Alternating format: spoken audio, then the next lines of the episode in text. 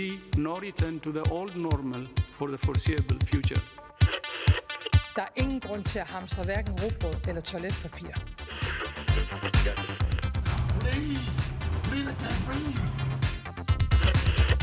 No politician in history has been treated worse. To use this beautiful game to actually change the world. поблагодарить всех, кто сделал свой ответственный выбор. We will succeed, and that success will belong to every one of us.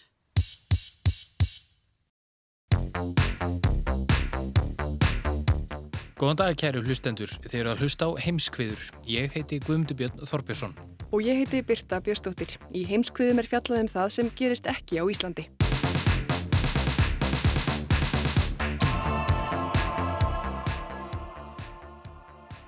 Þetta er annar þáttur í annari þátturöð heimskviða eða heimskviðna. Þið ráðu hvað þið segið, hlustendur góðir? Já, einmitt, talandu um það. Egnafall fleirtölu, ekki satt?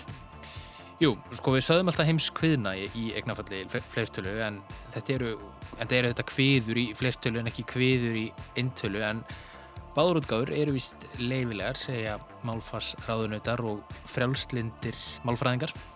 Já, já, við höfum samband við sérfræðinga og tókum ekki þessa ákvörðinu á eigin spýtu þannig að, en alveg rétt, Ísland, Íslandkan getur verið svona snúin en líka falleg og þó að við viljum tala fallega og góða íslensku í heimskuðum þá eru það heimsmálinn sem er í forgrunni hér og í dag þá ætlum við að halda til Breitlands, til Hong Kong og aftur til Líbanon.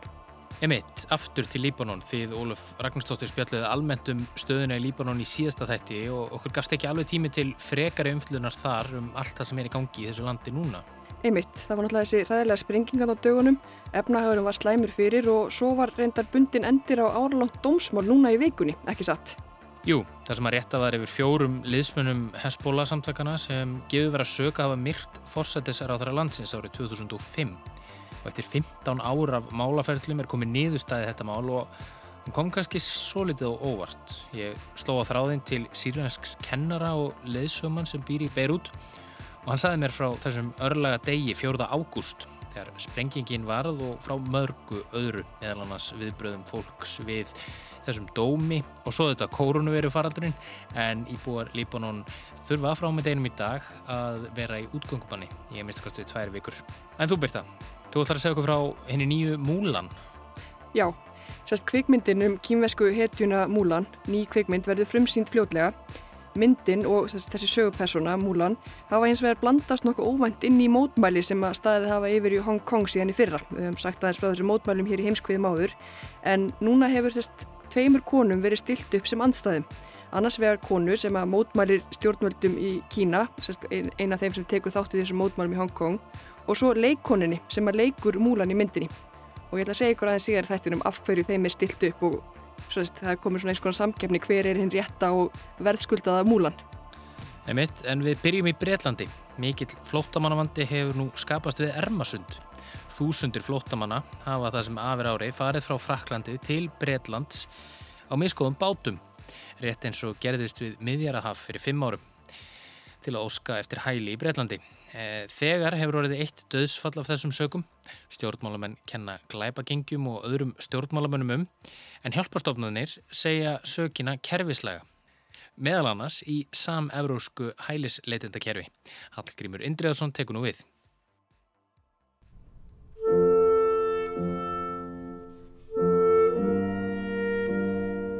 Tugir flótamanna draugnuðu þegar gumbjörgunar bátur með 137 manns um borð sökk í miðjarðarhafi suður af Sikilei í vikunni. Ítalski sjóherrin bjargaði í dag meira en þúsund manns af lekum og oflöðnum bátum á miðjarðarhafi. Enn er ströymur flótafólks yfir miðjarðarhafið til Ítalíu. 50 lík fundust í lest flótamannabáts undan ströndum Líbíu í dag. 430 manns var bjargað. Ítalska strandgæslan bjargaði gær 4200 flottamönnum á miðrahafi.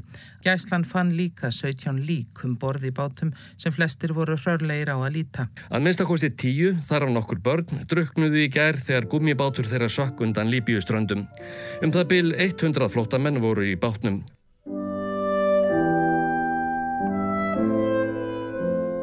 Hér heyrum við nokkrar fréttir af handahófi frá árinu 2015 þegar flóttamannavandin tók á sig grav alvarlega mynd. Flóttamenn frá miðausturlöndum og Norður Afríku freistuðu þess að komast yfir miðjararhafið, yfirleitt til Ítalíu eða Gríklands, í vonum að fá hæli þar eða annar staðar í Evrópu og öðlast betra líf. Úr varð einn stærsta flóttamannakreppa síðari ára sem kostaði fjölmörg mannslíf. En þrátt fyrir hætturnar sem fylgja því að leggja á flótta frá henginum sínum virðist ekki hafa dreyið úr vilja fólks til að flýja örbyrð heimafyrir. Og ef því mistekst í einu landi, reynir það næsta land. Þeir sem hafa komist oft við Ídlan leik yfir miðjararhaf eru margi hverjir tilbúnir til að leggja á sig aðra bátsferð yfir Ermarsund. Og flóttamönnum sem kjósað reyna þá leið hefur farið ört fjölgandi undan farnar vikur.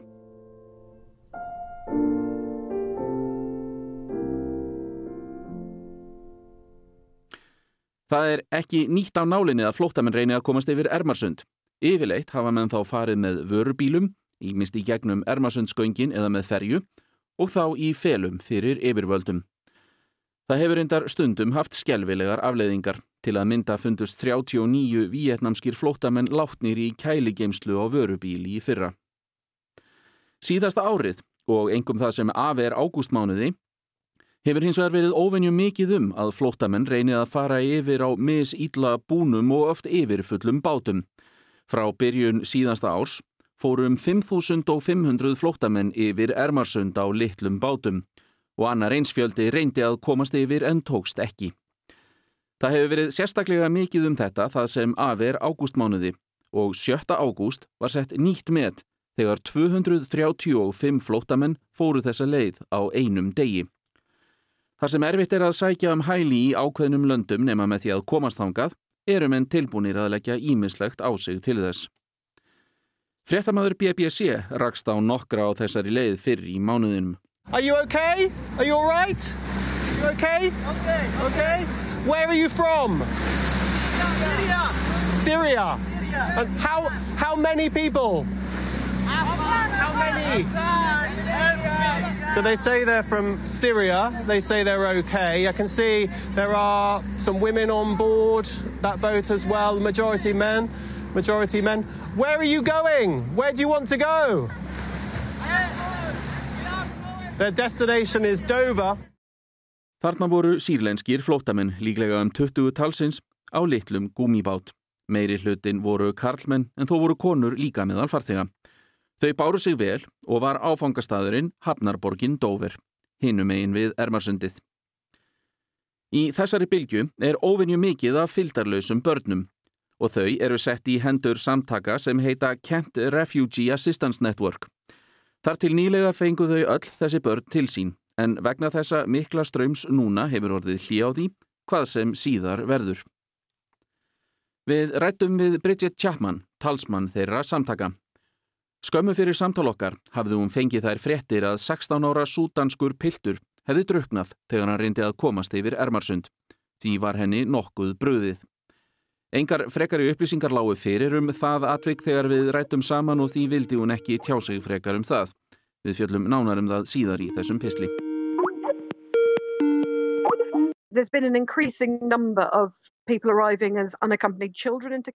Bridget útskýrir að fyldarlausum börnum hafi fjölgað mikið í þessum flóttamannaströymi.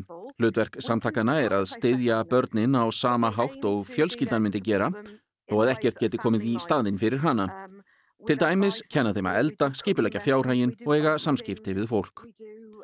Bridget segir að bátsferðin reyni mikið á þá sem hana fara, sérstaklega börnin, sem almennt eru afar skelkuð. Um, the journey can take 10, 12 hours in a small dinghy with a inadequate motor, which is how most people are making this journey. You get very wet, and even in the middle of summer, you can get extremely cold and become semi-hypothermic. So people, you know, were cold, they were wet, they were frightened, they thought they were going to die, um, and they are incredibly relieved to be safe. Ferð á svona gúmibát með heldur slakri eða jafnvel yngri vél getur tekið 10 til 12 klukkustundir. Fólk verður blöytt og kallt og ofkælist jafnvel þrátt fyrir að nú sé sömar. Fólk er hrætt og hjælt að það myndi deyja. En allir eru þó fegnir að hafa komist heilu og höldnu í land. Það er auðvitað þannig að þetta er kannski svolítið svona einn byrtingamyndin bara að því hvað uh, þessi sameiginlega európska hæliskerfi virkar illa. Þetta er Guðríður Lára Þrastardóttir, lögfræðingur sem unnið hefur mikið í málefnum flóttamanna. Hún starfar nú hjá Rauðakrossi Íslands sem talsmaður hælisleitenda en tekið skal fram að skoðanir hennar eru ekki ofinberar skoðanir Rauðakrossins. Flóttafólki Európu hefur alls ekkert sömu tækifæri eftir hvar uh, það leggur fram umsóknuna sína og uh, það skýrir það þetta af hverju það er þessi hérna, þetta ferðarlag á fólki fram og tilbaka um Európu. Uh, þetta er þetta sama, veist, nákvæmlega sama sviðsmyndin eins og bara fólk sem er að koma yfir miðarhafið. Þetta er fólk yfir fulli bátar, gúmibátar, bara einhver svona lélegir bátar sem fólk fer í og margir náttúrulega fara í annarsinn. Uh, Brettar hafa svona eitthvað aðeins herra veitingarhlutfall heldur en meðaltalið e, í Európu þannig að þess, þeir veita e, tiltöla fleirum, fleiri vernd heldur en í öðrum Európuríkjum en á hinbóin náttúrulega eru færri umsækjendur í, sem koma til Breitlands heldur en dæmis til Þísklands og Fraklands þannig að það er svona svolítið erfitt að átta sig því hvað er að segja þarna.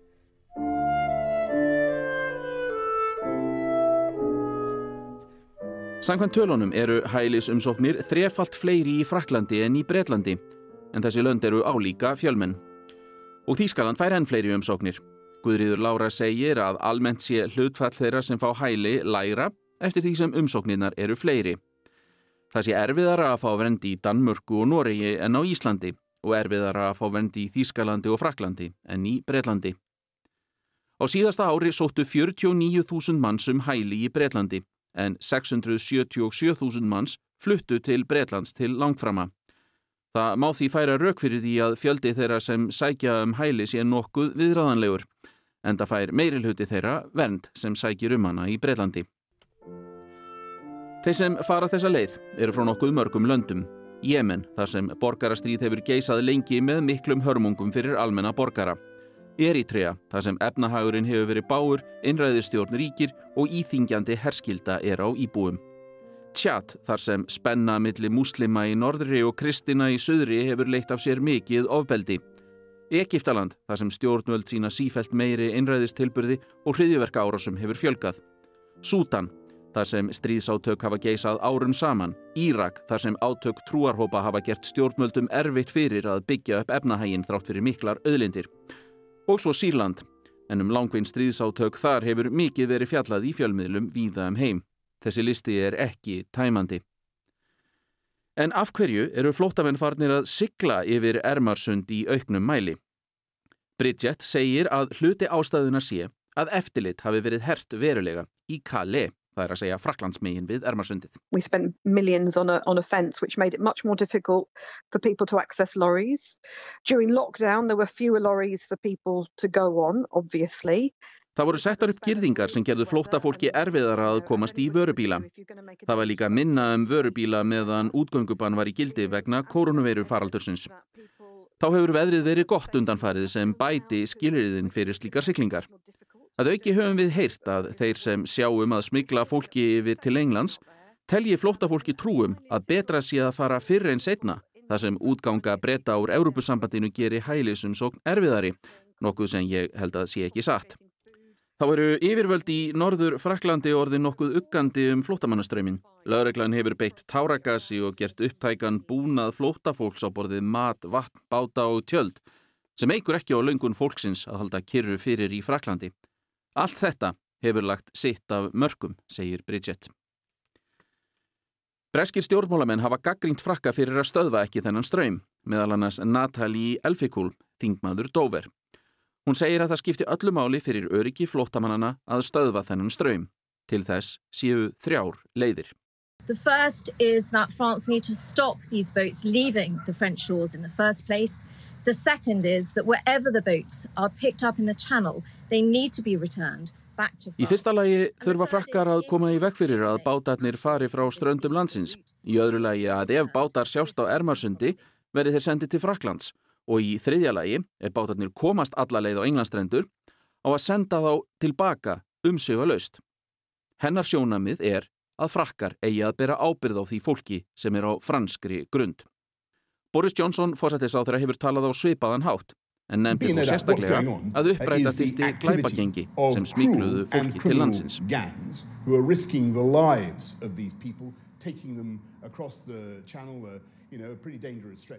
Þarna eru grimm glæpagengi að hætta lífið þessa fólks með því að senda það yfir oft úvið sund á mögulega óhattfærum bátum. Við viljum hindra þetta í samvinnu við franska vini okkar, segir Johnson. That means that when people do get here, Sam, uh, it is very, very difficult then to uh, send them away again, even though uh, blatantly they've come here illegally.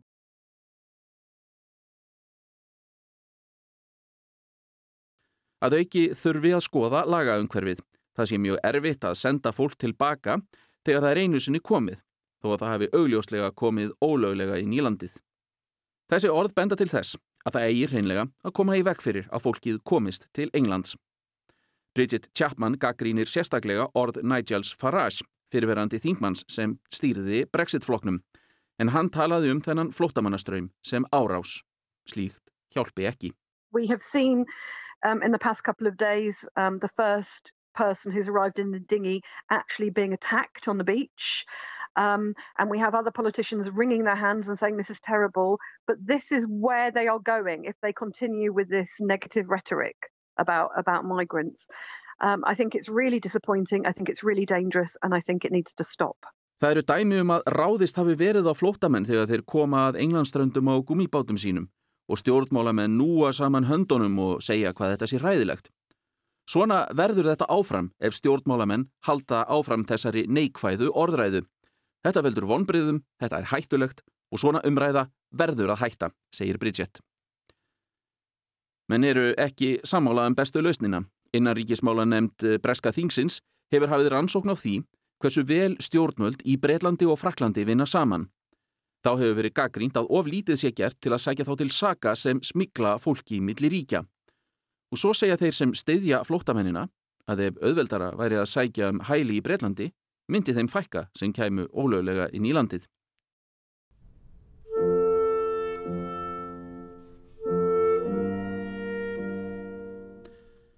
Eftir að öll þessi umæli fjallu fannst 16 ára súdanskur flóttamaður látin á ströndinni við Calais í Fraklandi. Hann druknaði þegar hann reyndi að komast yfir Ermarsund. Félagi hans fannst á lífi en hafði ofkælst. Hann tók fram að pilturinn hefði verið ósindur. Pritti Patel, innaríkisráþara Breitlands, sagði á Twitter að þetta væri grimmileg áminning um starfsemi glæpagengja og stökk því á vagn þeirra sem telja upprætingu þeirra lausnina á vandanum. Ekkert slíkt hefur verið sannað í þessu tilviki og Bridget Chapman sagði í viðtalið við BBC að óvíst væri að slík gengi hefðu nokkuð komið nálægt þessu döðsfalli. Claire Mosley, stopnandi góðgerarsamtakana Cares for Calais, tók undir þetta í viðtali við Sky. You forget that a lot of the refugees in Calais can't afford to pay smugglers and particularly boys like this, it's very likely that they couldn't afford to pay a smuggler. Það gleymist í þessari umræðu að margt af þessu flóttafólki hefur ekki efni á að borga fólki fyrir að smíkla sér á áfangastað. Það á mjög líklega við um strák eins og þennan sem lést. Það er líklegt að þeir hafi séð annað fólk halda af stað og það hafi fengið þá til að taka svona áhættu. Það er fólk á borðið súdanska drengin sem gerir það.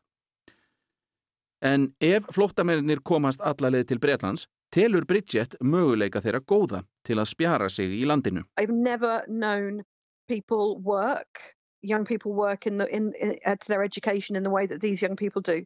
So they have got really bright futures ahead of them. Um, all of them uh, I, I'm sure are going to be really successful. I've been working with Cran for five years and I've seen people arrive and go on to university, which is incredibly difficult when English isn't your first language and that is the language you're going to be taking your degree in. Ég hef aldrei séð ungt fólk leggja jafn mikið í mentun sína og þetta fólk.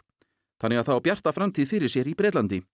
Ég hef séð mörg þeirra jafnvel fara í háskóla í Breitlandi sem er mikið afreik þegar þau hafi ekki lært ennsku heima fyrir, segir Bridget. En þetta er þó ekki alveg svona einfalt. Guðriður Lára bendir á að ef hælisleitandi er svo heppin að fá vend, sé hans hann bundin í viðkomandi landi. Segjum sér að þú sért skikkaður til að sækjum hæli bara í Þískalandi og þú ert svo heppin að þú fær verð þar nema að síðan blasir við atvinnleysi og þá hefur henn ekki, þú getur ekki ferðast til annar landa eins og þíski ríkisborgar eða bara aðrir ríkisborgar í Európu til þess að sækja að vinna annar staðar. Þú þarf bara að búa í Þískalandi og sækjum vinni þar. Þannig að þú veist, frjáls för verkafólks, hún gildir ekki um flotta fólk í Európu. Guðriður segir að ef breytingerði á þessu myndi það ekki aðeins leysa vanda flótafólksins heldur margra ríkja að auki. Um þetta er hins vegar ekki pólitísk samstæða í Evrópu og á því strandar. Þá er líka óvisa um hvað breytist við brottkvarf breyta úr Evrópusambandinu. Í janúar þá uh, verða þeir ekki lengur hluti af diplinarsamstærnu og þá er þetta algjörlega óljóst hvað gerist og hvort að þeir uh, hafi þá uh, en þá rétt á að senda þetta fólk aftur tilbaka þannig að það er líka kannski já það er þetta bara stór pólitísk spurning hvernig því verður hátað.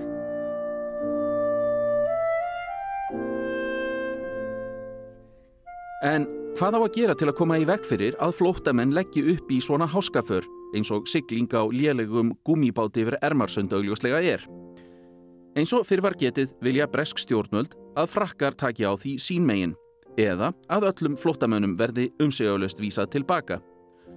Þau hafa líka sendt sjóherin í eftirlit sem hefur þá það hlutverk að senda fólk á svona bátum aftur til Fraklands. Nokkuð sem flóttamannastofnun saminuðu þjóðana hefur gaggrínt þar sem fjöldin sem komi yfir á þennan hátt sé vel viðráðanlegur fyrir breyta, auk þess sem viðvera skipana geti ein og sér verið hættuleg fyrir flóttamennina. Bridget telur hins vegar að lausnin sé einföld, að koma á kerfi fyrir hælisleitenda umsóknir til Breitlands. There is absolutely no reason why the British government couldn't have an office in France and give people a ferry ticket to come over. It would be much better. It would stop the trade of the people smugglers overnight. Our borders would be more secure. We would know exactly who was arriving and when they were arriving. You know, actually, most of the people coming have got really good asylum claims. They're likely to be successful. So they have a right to do that and we need to find Það er ekkert því til fyrirstöðu að bresk stjórnvöld geti haft skrifstofu í Fraklandi og gefið fólki miða í ferju yfir til Breitlands. Þetta myndi stöðva smikla á fólki á einni nóttu. Landamærin væru örugari og við vissum hverjir væru að koma og hvenar. Flestir þeirra sem koma eru með sterkan grunn til að fá hæli í Breitlandi og því er líklegt að umsókn verði samþygt. Það þarf að finna leið til að koma í veg fyrir að fólkið fari í þessa háska för og því mælum við sterklega með lögformleiri leið til að sækja um ment, segir Bridget.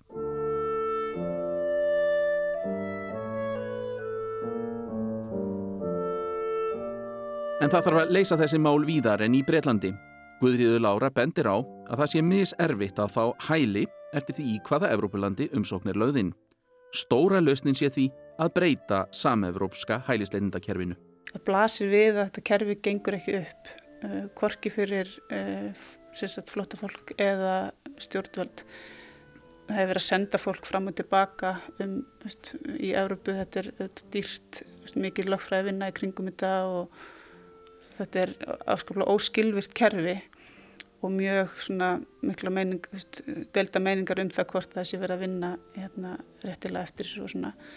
Þannig að það er alveg ljóst að það er umbylt þessu kerfi og það hefur auðvitað verið rætt um það núna um nokkuð mörg ár uh, um diplunarreglgerð nr. 4 en það er ekki samstæð um það hvernig, hérna, hvernig hún á að vera. Í mínum huga er vandin ekki það stóra að hann sé óleysanlegur. Sko, fjöldi flóttafólk sem kemur til Evrópu er þetta bara ofsalega lítill hluti af íbúafjöldu Evrópu og það ætti ekkert að vera stórkvæslega vandamál fyrir svona stóra álfu og ríka álfu að taka við fólki á samansamlan hátt. En það er hins vegar ekki takast og það er þetta bara pólitikinn.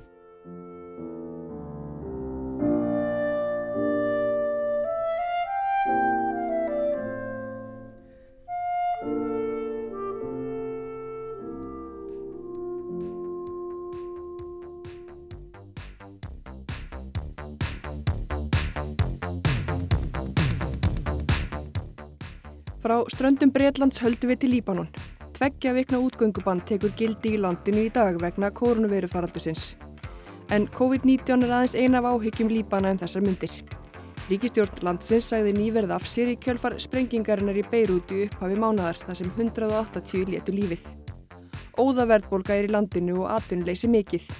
Og ef þetta er ekki nóg þá fjall loks dómur í máli fjórarsakborninga sem gefið var að söka hafa myrt fósættisráð þeirra landsins árið 2005.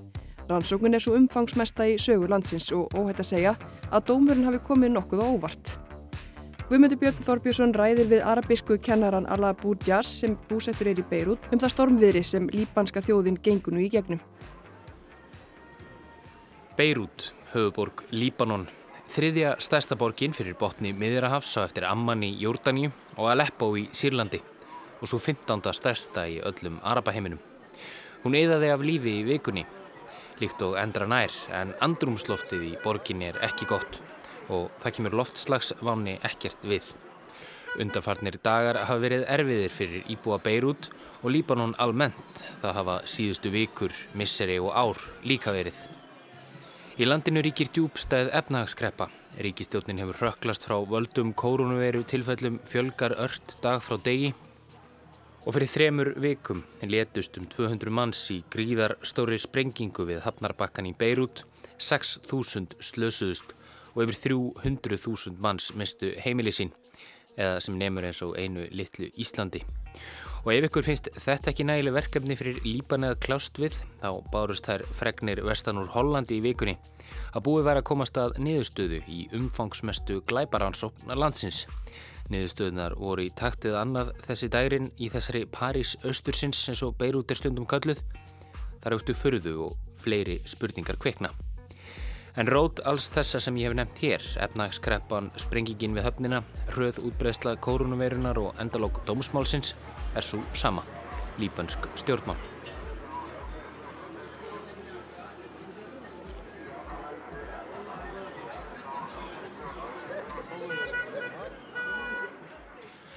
Einhvern veginn svona ómaði söngur götunar í Beirut í vikunni. Lífið gengur sinn vana ganga og borgin yðar á lífið þrátt fyrir heldur óvinnulegar síðustu vikur. En þannig er það ekki í dag. Það eru alla sála og ferli í borginni en það tók samkomiðbann gildi í landinu í dag. Öllum mörguðum hefur verið lokað sem og líkamsræktarstöðum, sundlögum og öllum stöðum þar sem fólk getur sapnast saman. Á kvöldinu og nóttunni gildir algjört útgöngubann. Bannið gildir í tvær vikur eða minnsta. Kórunveru tilfellum hefur nefnilega fjölgað ört í Líbanon síðustu daga. Síðustu daga hefur fjöldi nýgreindra smita markvaldast. Á mánudag 456 ný smitt og á miðugudag fór þau yfir 500. Alls hafa yfir 10.000 manns greinst með veiruna þar í landi og ef framheldur sem horfir myndi ástandið steigmagnast ef ekki væri fyrir samkomiðbannið en það auðvitað eftir að koma í ljós. En kórunuveiru faraldurinn fór nokkuð hægt af staði í Líbanon og í júni hefði aðeins um þúsund manns grenst með veiruna. Hvað veldur? Jú, 6 spítalar og að minnsta kosti 20 hilsugjæslustöðar í höfuborginni Beirut gjur eðilöðust fyrir réttu um þremur vikum. Um kvöldmæntaleiti þann 4. ágúst eruðu tvær sprengingar í vöru skemmu við höfnina í Beirut. Um 3000 tonn af stórhættilegu ammoniak nítrati hefðu leið árum saman í vörugemslinni, allt frá því að rúsneskir sjómenn skildi það þar eftir árið 2014.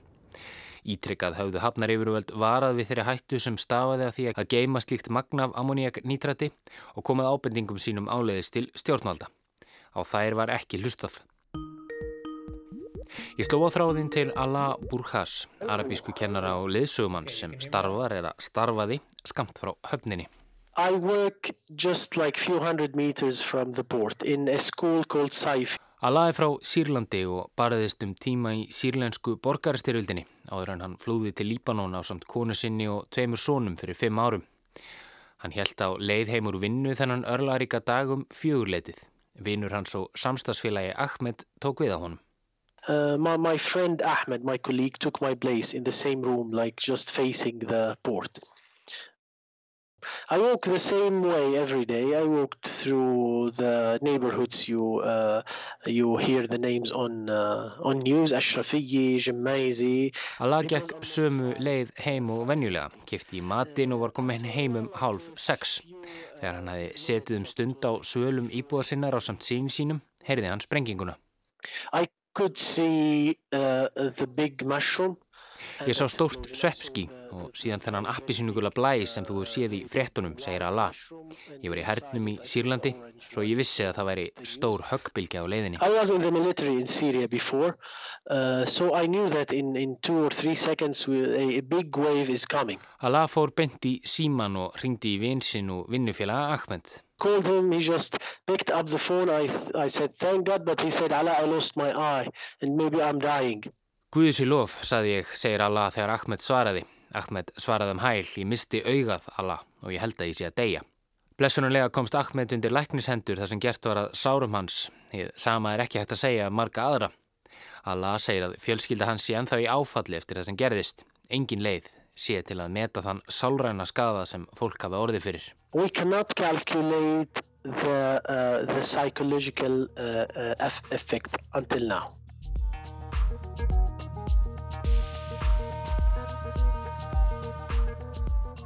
Allah segir mér að fyrstu viðbröð hans og margra annara við sprengingunni hafi verið þau að landið væri undir árás. En niðurstaðan er jáfnvel ennþá sorgleiri. Sprengingin er afleðing sinnuleysis gerspiltra stjórnvalda. Í heimskuðum í november á síðast ári fjallaði Ólaf Ragnarstóttir um sívaksandi óanægu almennings í Líbanon með stjórnvöld í landinu. Þá var efnahárin báur, öll þjónustafið almenning slæm og spilling mikil. Fórsættis ráþæran Saad Hariri leta völdum en ekki tók betra við. Fyrir um ráþæra mentamála, Hassan Diab, tók við keflinu og það kom í hans hlut að mynda nýja ríkistjón. Sem sagt, engar kostningar, bara hrókeringar. Síðan Diab tók við hefur staðan síst skánað og mótmælinn haldið áfram. Vertir að nefna Hassan Diab naut stuðnings Hezbollah-reyfingarinnar, flokks síamúslima sem hefur 10% sæta á líbanska þinginu. Hezbollah-reyfingin er þó þekktust á Vesturlöndum fyrir annað en hefðbundna flokkapólitík, þetta flokku sem reyðverkarsamtök í yfir 21 landi, sem á af Arababandalæginu og Evrópasambandinu.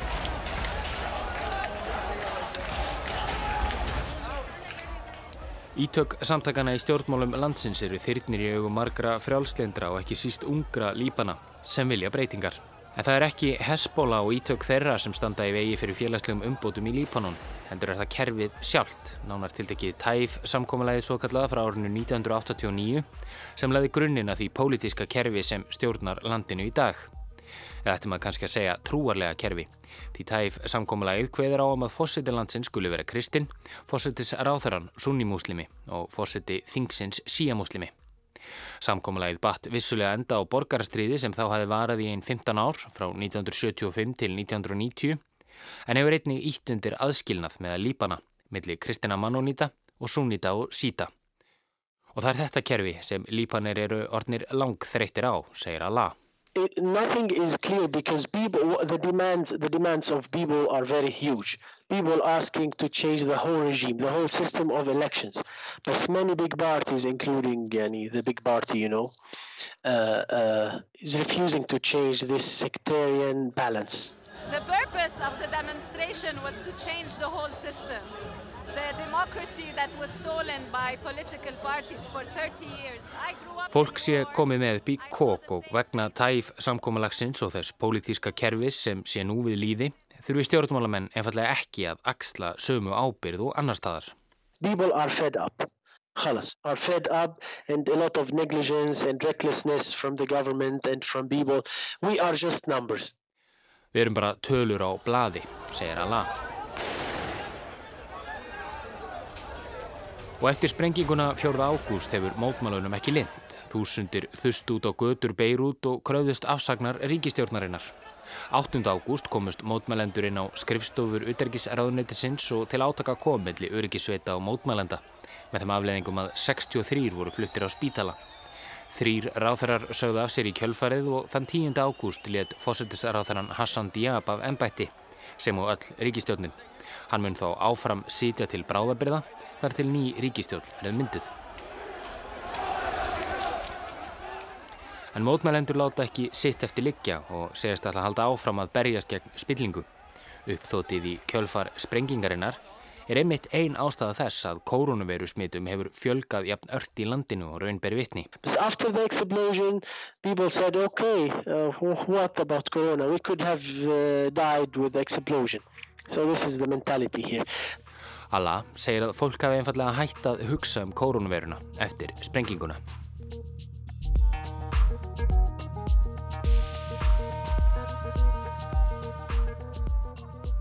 En þetta er ekki allt. Á þriðjudag byrti domstólafegum saminuð þjóðana í Haag niðurstöður í máli sem hefur skekið líbanst samfélagi áraræðir. Árið 2005 var Rafik Hariri, fórsættisráð þeirra Líbanon, myrtur í bílsprengju árós í Beirut.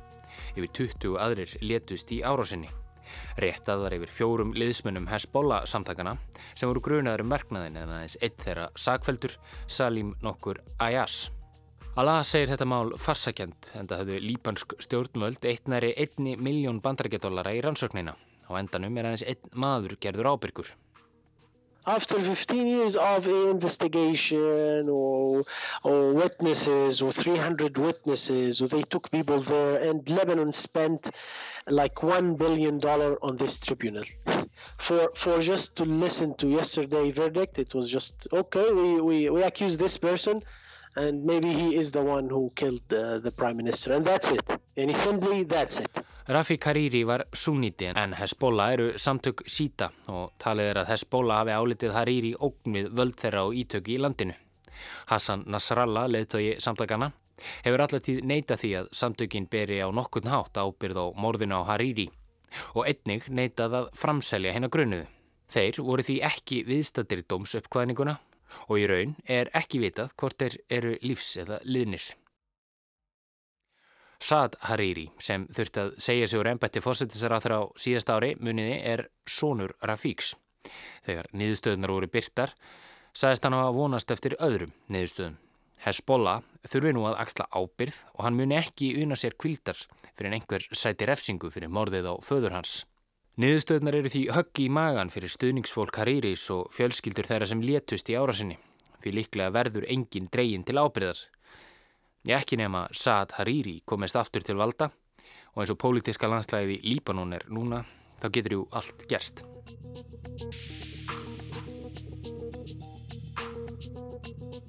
Þrátt fyrir erfiða síðustu mánuði, vikur og daga vil Allah Burkhas ekki yfirgefa landið sem tók honum opnum örmum fyrir fimm árum. Þið sama er ekki að segja marga samferðamenn hans sem er erfitt með að láta endan á saman. Because it's difficult. I have friends uh, who are very poor. They just took money from their uh, job in the government, which is very low. I don't know. They work after work. They drive taxi. I don't know. They work as workers. Ég á vini sem eru mjög fátækir, segir Allah. Þeir eru unnu fyrir ríkið og fá lítið greitt fyrir það. Eftir vinnu kerir þeir leigubíla eða vinna verkamannavinnu.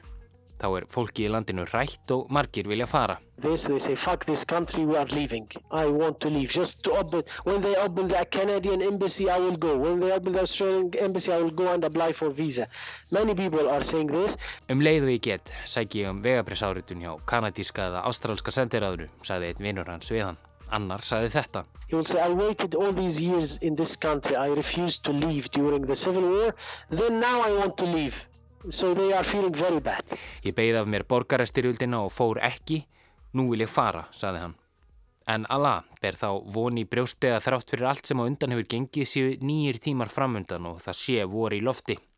Að úr sér gengið pólitíst kerfi verði lagt til hliðar og að lípanir geti kosið það fólk sem það vill í valdastöður óháð því hverjar trúar það sé. Nýtt upphaf. But yani, I want this to be a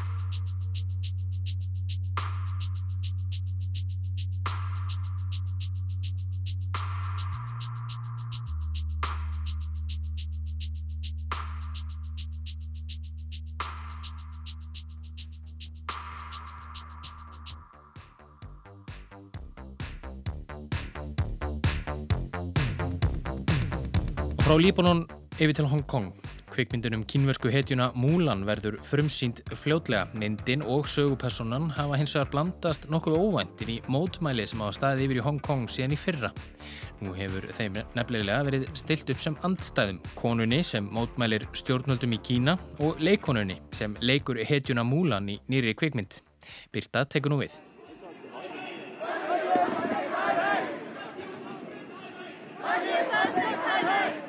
Mótmæli hafa staðið yfir í Hong Kong nær sleitu laust síðan síðasta sumar. Um þau höfum við fjallað áður hér í heimskviðum sem og merka sögu svæðisins. Áhuga sömum er bent á þá umfjöllun en í mjög stuttu og mjög einfölduðu máli má segja að mótmælinn snúist um yfiráði yfir Hong Kong. Samkominnlag mellir stjórnvalda í Breitlandi í Kína og svo aflýttingu þessa samkominnlags. Sem sagt, hverjir fara í raun með stjórnvölin í Hong Kong og hvernig faraðu með það vald.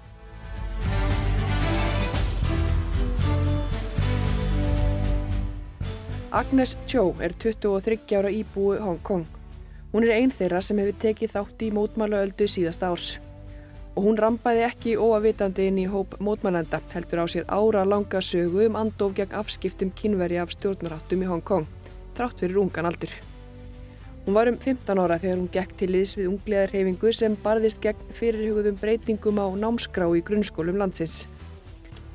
Þau höfðu veður á því að námsefni nýja væri fyrsta skrefi átt að sögurskoðun sem kendir í kínveskum grunnskólum. Setuverkvall ungmenna urðu á endanum til þess að hægt var við nótkunnins nýja námsefnis í Hong Kong.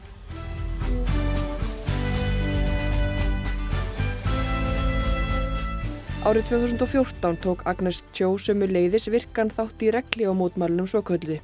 Mótmælum fyrir því að borgarbúar fengju sjálfur að kjósa sér hæstraðundur án afskipta kínverska stjórnvalda. Þau höfðu kannski ekki alveg erindi sem erðið í það skiptið en Agnes Tjó var í kjölfarið einn þeirra sem stopnuði líðræðisfylkinguna Demosístó. Hún sagði reyndar skilið við hann á nokkrum klukkustundum áður en öryggislög sem ég segi ykkur aðeins meira frá eftir voru sett í Hong Kong í sumar.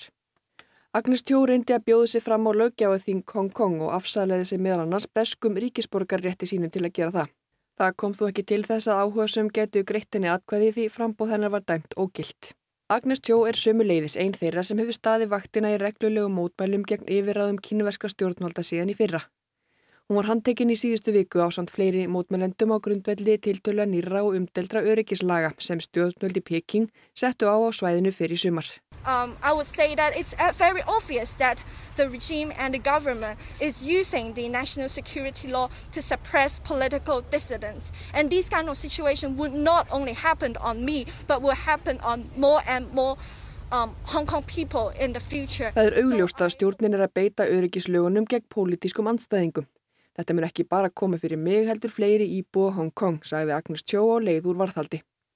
Smá útskýring á þessum öryggislögum hljómar eftirfarandi. Öryggislögin tóku gildi í Hong Kong 1. júli. Þá voru 23 ár liðin frá því að 156 ára yfirráðum breyta yfir hýraðinu laug formlega. Breytar tóku þá lofvorð af kýmverum um að frelsi Hong Kong búa erði tryggt í stjórnarlögum Kína með hugmyndin um eitt ríki, tvö kerfi. Þau sem gangrina öryggislögin segja að þau þverr brjóti þetta lofvorð. Sangam þessum nýju öryggislögum er andofi garð kínverska stjórnvalda og leinileg samskipti við Erlend ríki bönnuð og ekki er heimilt að krefjast aðskilnaðar Hong Kong og Kína. Kínversk stjórnvöld segja lögin nöðsynlegt til að koma í veg fyrir hriðverkastar sem og glæpi en fjölmörg ríki og samtök segja þau ekki standast alþjóðlega skuldbindningar. Þau ógni frelsi íbúa og sjálfstæði dómstóla. Sérstök öryggis og eftirlitstofa var sett á laginnar í Hong Kong til að framfylgja lögunum. Stjórnvöld þar bera ábyrða því að það verði gert. Þykir þau hins vegar ekki í standa sig sem skildi, hafa stjórnvöldi Peking völd til að taka fram fyrir hendurnar á yfirvalda í héræðinu.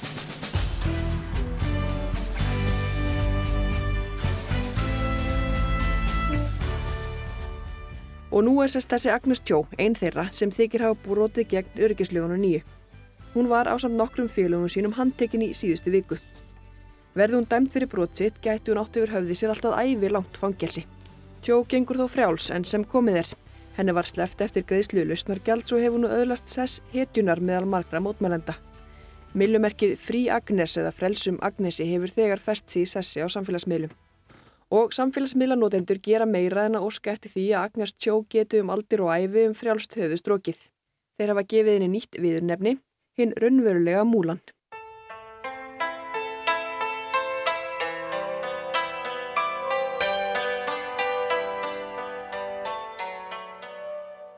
Frásagnir af stúlkunni Múlan ná mörg hundruð ár aftur í tíman. Hennar er fyrst getið í kínvesku ljóði sem heitir upp á íslensku óðurinu Múlan. Þar dulbýr Hua Múlan sig sem dreng og gengur í herinn í stað aldraðs föður síns. Þar voru stelpur að sjálfsögð ekki velkomnar. Hún barðist í 12 ár við góðan orðstýr en undir fölsku kynjaflaggi. Var fremst meðal jafningja en neytaði allri upphefð fyrir afreiksín.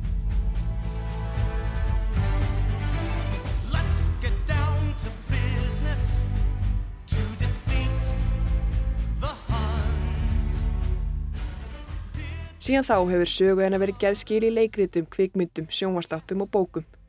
Það er meðal segja gígur á plánutinni Venusi sem ber nafnið hennar. En allir þekktasta uppfæslan hér á Vesturlöndum sé ekki Disney-teknimyndin Múlan sem frumsýnd var árið 1998.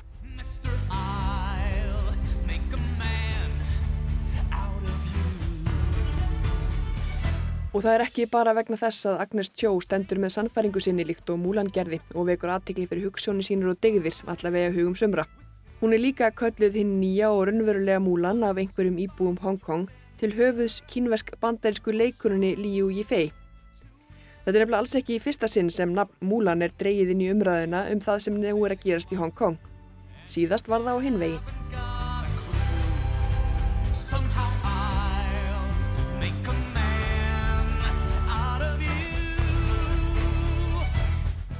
Leikonan Liu Yifei leikur Múlan í spánýri kvikmyndum hetjun á fornu. Leikonan blandaðist inn í umræðinu um mótmælinn í Hong Kong í fyrra sem hafa sem fyrir segir staði yfir síðan síðasta sumar. Víða hefur slegið í brínu millir mótmælenda og lögreglu og mótmælendur sakað löggæslu fólkum harðræði og ofbeldi. Einni slíkri frétt deildi leikonan Liu Yifei á samfélagsmiðlum og skrifaði fréttina á kínvesku. Ég stið líka lögreglunu í Hong Kong Þið megi berja mig núna. Mótmælendur tólkuðu orð hennar á þann veg að leikonan væri að leggja blessun sína yfir aðferði lauruglunar við að hafa heimil á mótmælendum og úthúðu henni á samfélagsmiðlum og kvöttu alla til að sniðganga nýju kvikmyndinunar sem er muniði um Múlan. Your job is to bring honor to the family. Do you think you can do that? Og þar var til annað millumerki, boykott Múlan eða sniðgöngu Múlan, þar að segja bíómyndina, ekki hérna nýju Múlan, sem í huga margra er núna Agnes Cho. Ég skilja þetta sé rugglingslegt. Og nú er þessi væntanlega kvikmyndum Múlan orðin hápolítísk. Ummæli Liu Yifei hafa eins og að vakið velvild margra kínverja sem segist ætlað fjölmenna á myndina um Múlan. Að segja þegar fólk kemst aftur í bíó. Myndinu um Múlan eins og svo mörgum öðrum verður dreift á streymisveitunni Disney Plus og aðeins í vel völdum kvikmyndahúsum vegna koronaviru faraldusins. En þarf einhver að vera Múlan? Er það engöngu einhver fortíðar romantíka að sækja sér hetur og fyrirmyndir langt aftur og öldum í baráttumálum nútímans? Og sækja Hongkong búar í sagnabrunn kínverja því saga þeirra á sér svolítið flokna fortíð. Það skýtur nefnilega kannski svolítið skökku við í ljósi andófsins að sækja sér hetju úr æfafornum kínveskum æventýrum. En það er kannski sama hvaðan gott kemur.